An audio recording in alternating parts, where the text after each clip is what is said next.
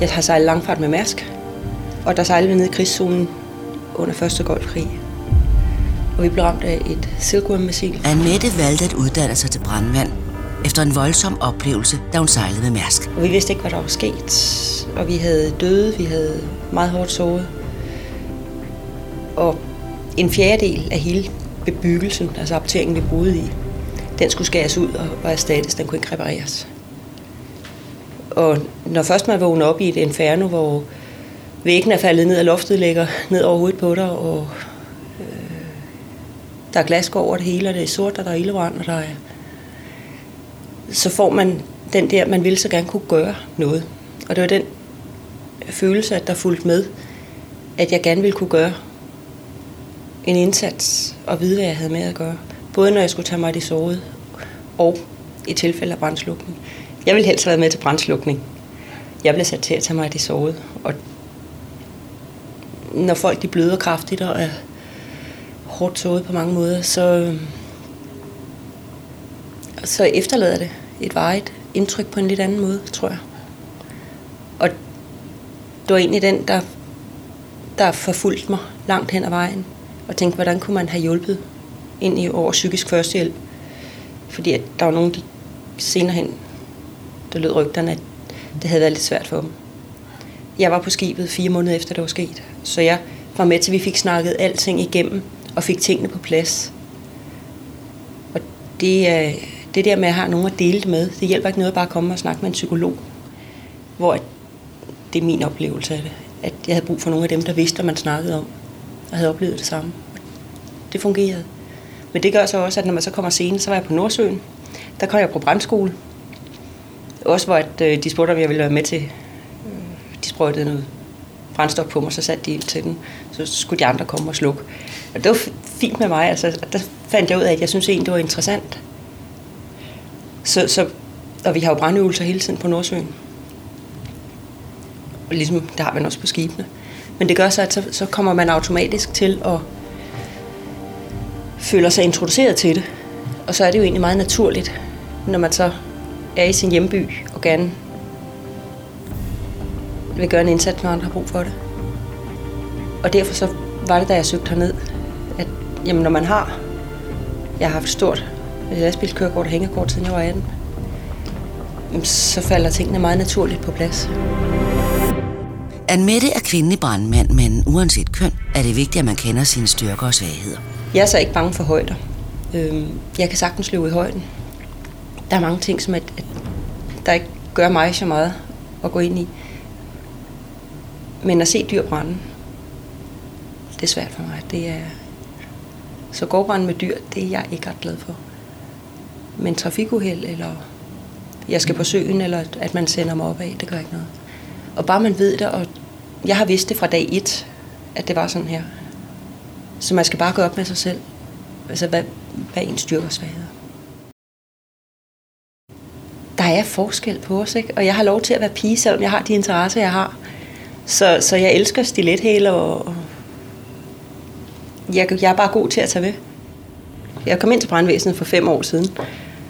Øhm, mærkeligt nok, så, som den første pige i Sorø.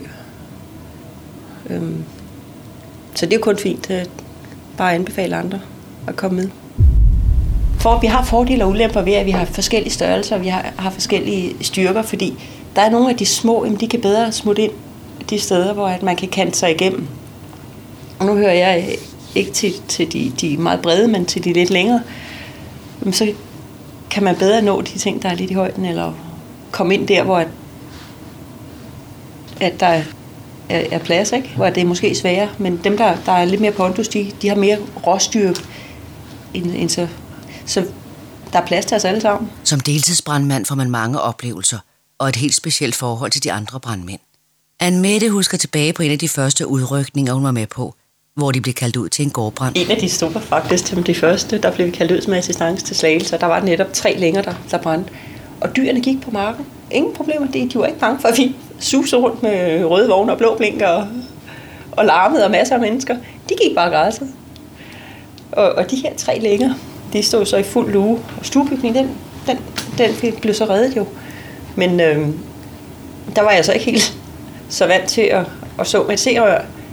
Det er, man skal tage ved. Altså man skal kunne tage ved for et eller andet sted at, at være med. Og da vi fik pumpet vand ned fra en sø, så ændrede de på trykket indimellem. Så på et tidspunkt, der skulle jeg lige skifte fodstilling, samtidig med at de så ændrede på trykket. Og så, så var jeg jo ved at gå på halen. Og så står der en af, af mine kollegaer og læner sig op af bilen og tager et pustrum. Så råber han til mig, Mette, du skal have mere bly i røven. det var da rigtig nok, fordi det var da godt nok. det var ved at tage pusen på mig. Men, så jo, der kommer lidt kommentar i Kammeratskabet og, og tilliden til sine kollegaer, det betyder det hele faktisk. For skal man gå ind i en situation, så skal man have tillid til sin marker. Og det, at man kommer herned, og man, man har det godt, det er også grunden til, at man gider fortsætte. Så kollegaer, det betyder rigtig meget. I brandvæsenet, som alle andre steder i øh, samfundet, så er der altid nogen, der trives bedre end andre. Der er også nogen, der har kendt hinanden i rigtig mange år, hvor andre de er så nye. Øhm, så der vil altid være gode situationer, og, og situationer, hvor man har noget at snakke om bagefter. Men det er jo igen en, en, en øh, tillæringsproces, kan man så sige. Men når man kommer hjem fra en stor indsats, hvor man har gjort det godt, så er der jo næsten spejderstemning i bilen, og så, så sidder folk og, og snakker om, ja, men så var der og indsats der, og gjorde der, og så, så, så kan man godt høre, at i adrenalinen den er, den er kørende, og så kører man jo hjem, og så, så briefer man på situationen for at se, om man kan gøre det bedre bagefter, eller næste gang. Og der er jo også andre oplevelser end lige, når vi har udkald. I gamle dage, der fik man lønnen udbetalt i kvartalet. Og så der tog de så efterhånden en madpakke med, og så fandt de ud af, at nu mødes vi alligevel i kvartalet og får udbetalt vores løn. Hvad hvis vi slår sammen og laver noget at spise? Og det har man så holdt fast ved her.